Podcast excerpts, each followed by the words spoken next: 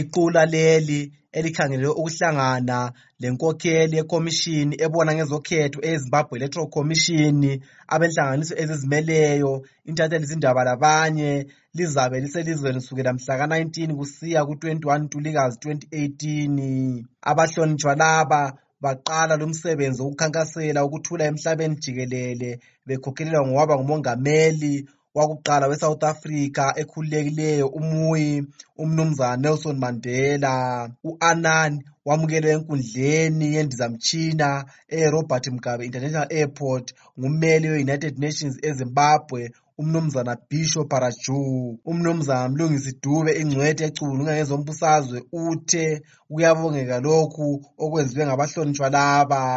Ukuza kwama-elders e-africa ukuthi bezomonitha ukuthi uhlelo lokhetho luqhutshwa njani ezimbabwe kuyinto enhle kakhulu.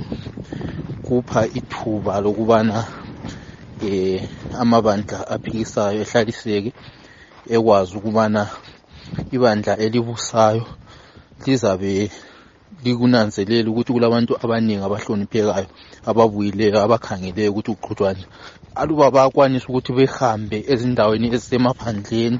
Lokhu kusekelwe ngumnumzana bekezela gumbo isakhamuzi seharare yena othe lokhu kunganceda ekuvikeleni udlakela kukhetho. Isitepu sokuqala esingathi siyasitshaya ukuze um inkinga zethu esezimbabwe zibonakale um kumazwe wonke omhlaba.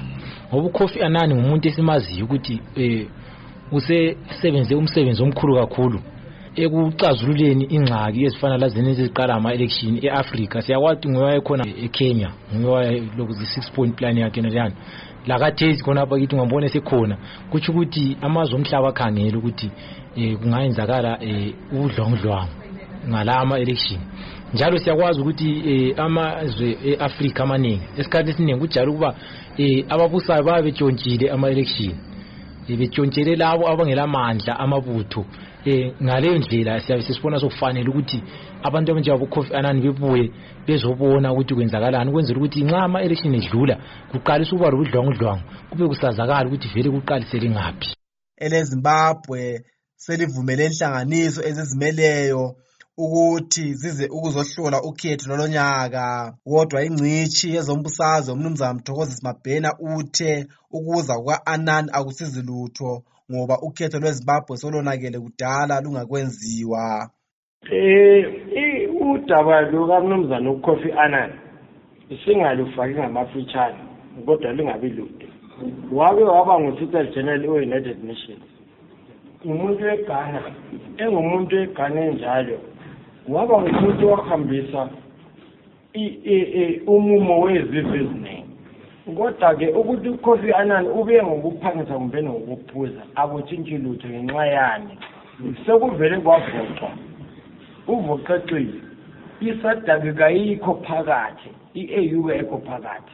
Ukubuya kwakhofi anani kasenasikhundla se-un engabe kuye ngokuphamingisa kumbe ngokuphuza kalandi lutho uzozivakatshela ngaphandle kuka-anani abazabuya ezimbabwe ngunkosikazi mary robinson owayengumongameli wakwele island njalo ekukhomishini enkulu yamalungelo oluntu kwi-united nations lo wayemele ele-algeria kwamanye amazwe umnumzana lagda brahim njalo iziphathamandla se-united nations abekhomishini yezek baveze ukuba okwamanje sekulabantu abangaba ngamakhulu athoba minwembili 800 abavela kwamanye amazwe asebebhalise ukuzoqapha ukhetho lolonyaka ezimbabwe. Ngimele istudio 7 ngiseharare ngingugibson bhebhe.